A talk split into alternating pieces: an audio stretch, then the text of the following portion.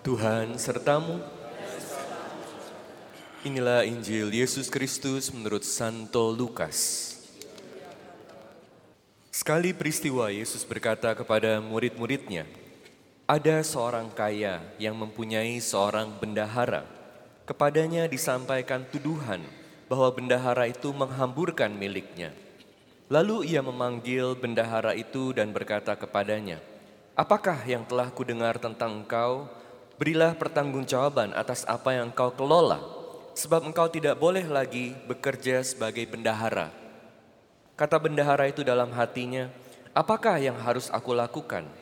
Tuanku memecat aku dari jabatanku sebagai bendahara.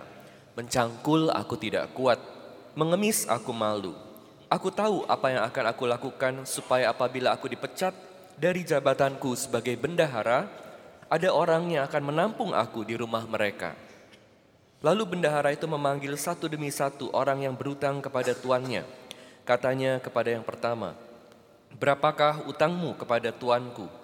Jawab orang itu, seratus tempayan minyak.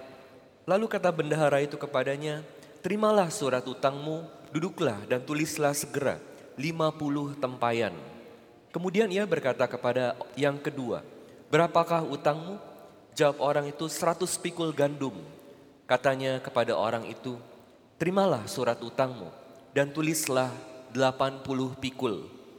Bendahara yang tidak jujur itu dipuji oleh tuannya karena ia telah bertindak dengan cerdik. Sebab anak-anak dunia ini lebih cerdik terhadap sesamanya daripada anak-anak cahaya. Aku berkata kepadamu, Ikatlah persahabatan dengan mempergunakan mamon yang tidak jujur, supaya jika mamon itu tidak dapat menolong lagi, kamu diterima dalam kemah abadi. Siapa saja yang setia dalam hal-hal kecil, ia setia juga dalam hal-hal besar. Siapa saja yang tidak benar dalam hal-hal kecil, ia tidak benar juga dalam hal-hal besar. Jadi, jika kamu tidak setia dalam hal mamon yang tidak jujur. Siapakah yang akan mempercayakan kepadamu harta yang sesungguhnya? Jika kamu tidak setia mengenal mengenai harta orang lain, siapakah yang akan memberikan hartamu sendiri kepadamu? Seorang hamba tidak dapat mengabdi kepada dua tuan, karena jika demikian, ia akan membenci yang seseorang dan mengasihi yang lain, atau ia akan setia kepada yang seorang dan tidak mengindahkan yang lain. Kamu tidak dapat mengabdi kepada Allah dan kepada Mammon. Berbahagialah orang yang mendengarkan sabda Tuhan dan tekun melaksanakannya. Sabdamu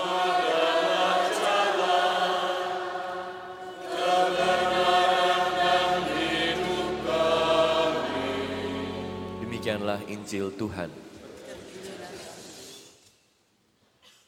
Aku berkata kepadamu, ikatlah persahabatan dengan mempergunakan mamon yang tidak jujur, supaya jika mamon itu tidak dapat lagi menolong, kamu diterima dalam kemah abadi. Saudara-saudari sekalian yang terkasih dalam Kristus, hari ini kita mendengarkan satu bacaan Injil yang sering kali menimbulkan banyak pertanyaan. Saya mau ajak Anda merenungkan peranan mamon atau kekayaan dalam hidup kita dan bagaimana kita perlu mempergunakan mamon ini.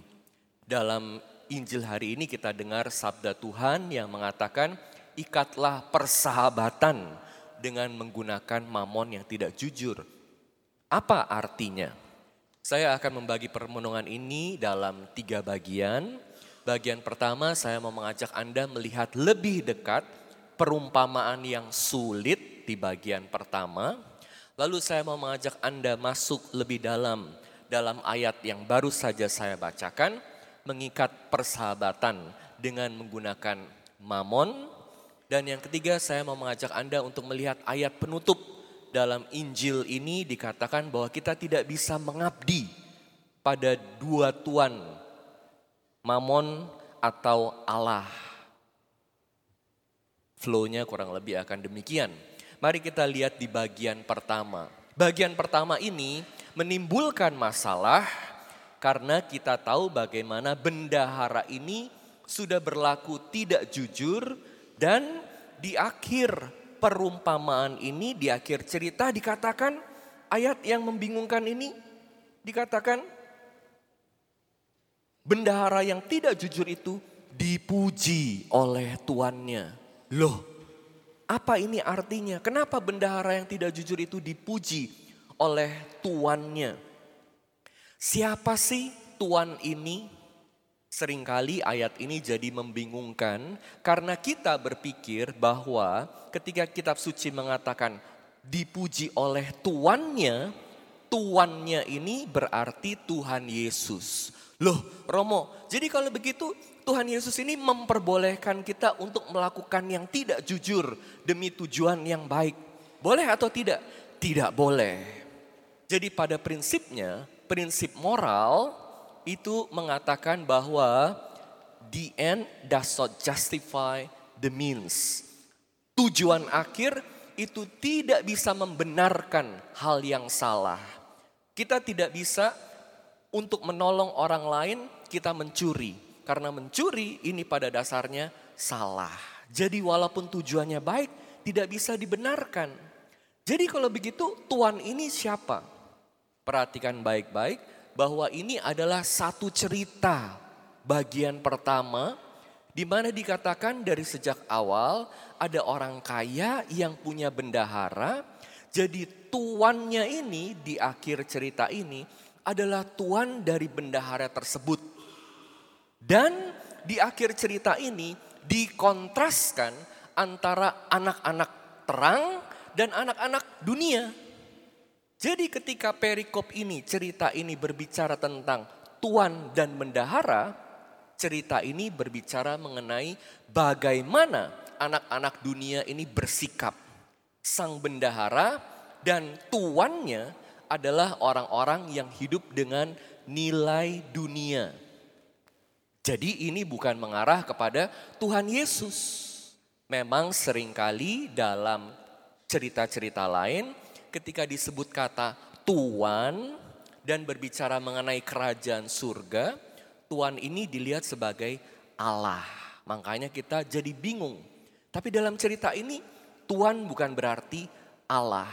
Jadi Allah tidak membenarkan kita untuk tidak jujur, untuk bohong. Yang mau dikatakan dari cerita ini adalah bagaimana anak-anak dunia itu begitu pinter Makanya dikatakan dalam Injil hari ini, anak-anak dunia ini lebih cerdik terhadap sesamanya daripada anak-anak cahaya. Itu bagian pertama. Jadi jangan pikir bahwa Tuhan Yesus ini minta supaya kita cerdik dengan cara berbohong. Bukan begitu. Tapi kita perlu cerdik seperti anak-anak dunia cerdik. Jadi anak terang pun perlu cerdik.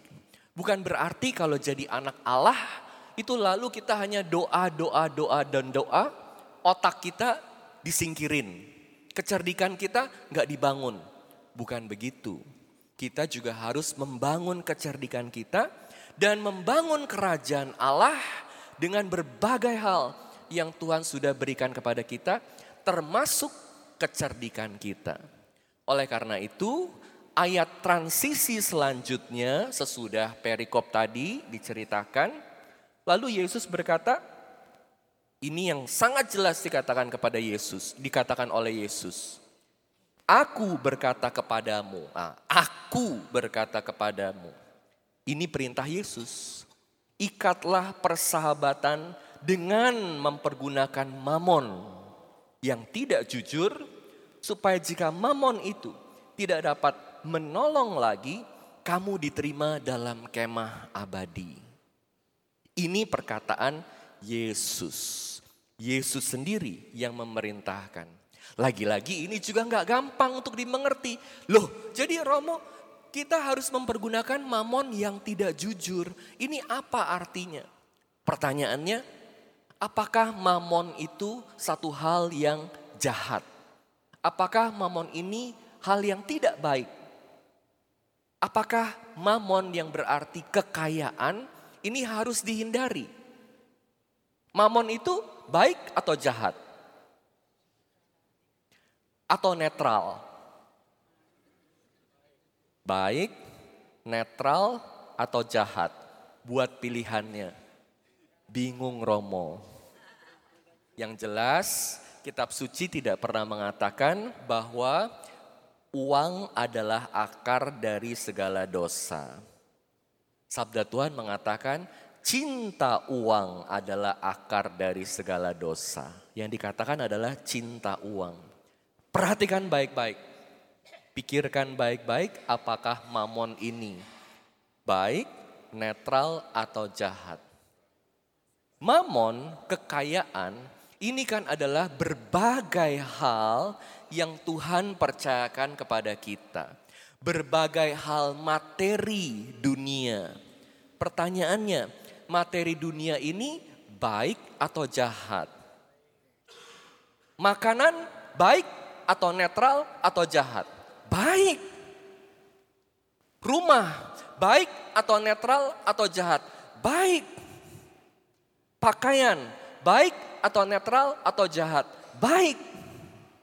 Jadi semua hal material yang Tuhan berikan kepada kita adalah hal yang baik.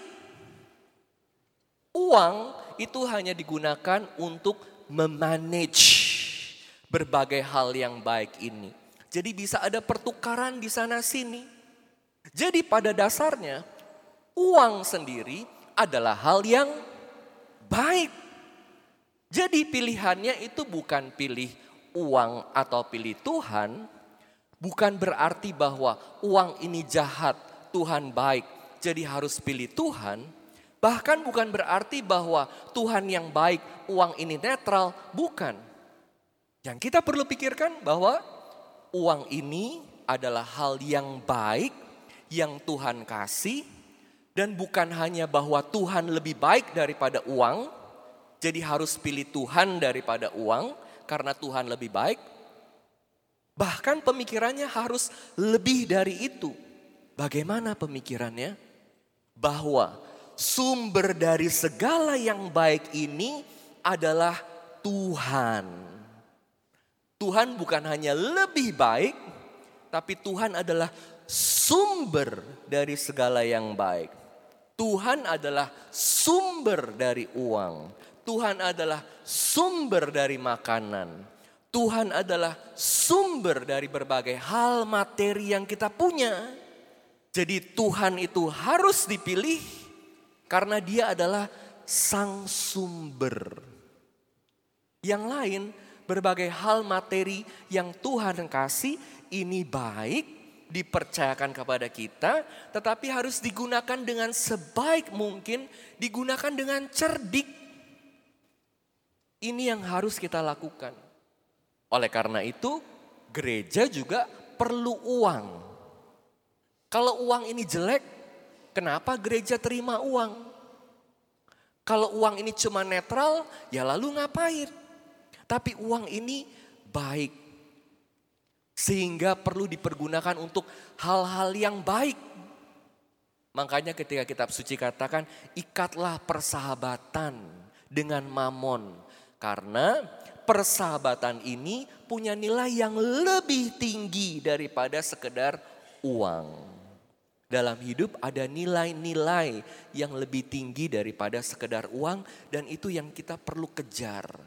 Tetapi nilai yang paling tinggi adalah, nah makanya ini saya masuk ke poin ketiga saya yang di, juga dikatakan dalam kitab suci, kita tidak bisa mengabdi kepada Tuhan dan mamon. Bukan berarti mamon harus dibuang, tetapi kita harus betul-betul memprioritaskan Tuhan dalam hidup kita.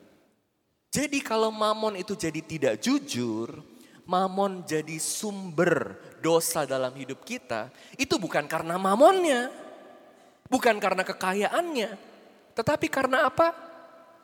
Karena hati kita yang salah, karena prioritas kita yang salah. Kita memprioritaskan uang di atas yang lain. Jadi makanya kitab suci juga katakan cinta uang adalah akar dari segala dosa. Bukan uangnya, tapi cinta uangnya. Prioritasnya salah.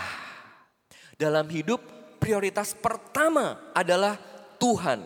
Sekali lagi karena apa? Karena Tuhan adalah sumber dari segala yang baik.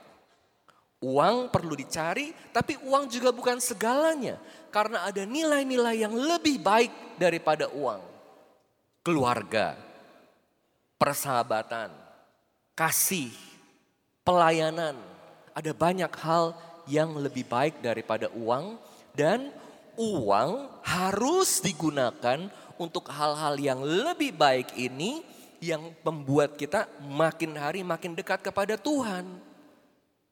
Pertanyaannya, manusia kan sering, sering kali memprioritaskan uang. Dan demi uang, lakukan banyak hal yang luar biasa. Bersedia kerja capek dari pagi sampai sore, sampai malam demi uang.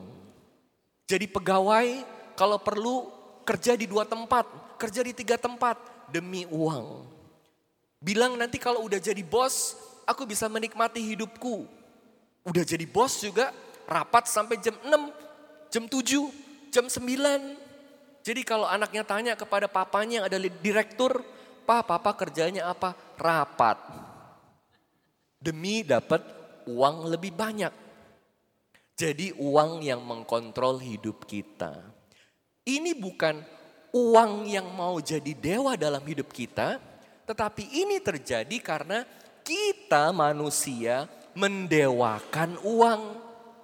Kita yang mengabdi pada uang. Kita yang taruh kekayaan sebagai nilai yang paling tinggi dalam hidup kita. Ini yang salah. Ini yang menjadi sumber dari segala dosa. Oleh karena itu, Yesus katakan hari ini tidak bisa mengabdi kepada dua tuan. Yang pertama jelas, Allah yang harus menjadi Tuhan kita. Dan kita harus mengabdikan diri kepada Allah. Yang lain ikut.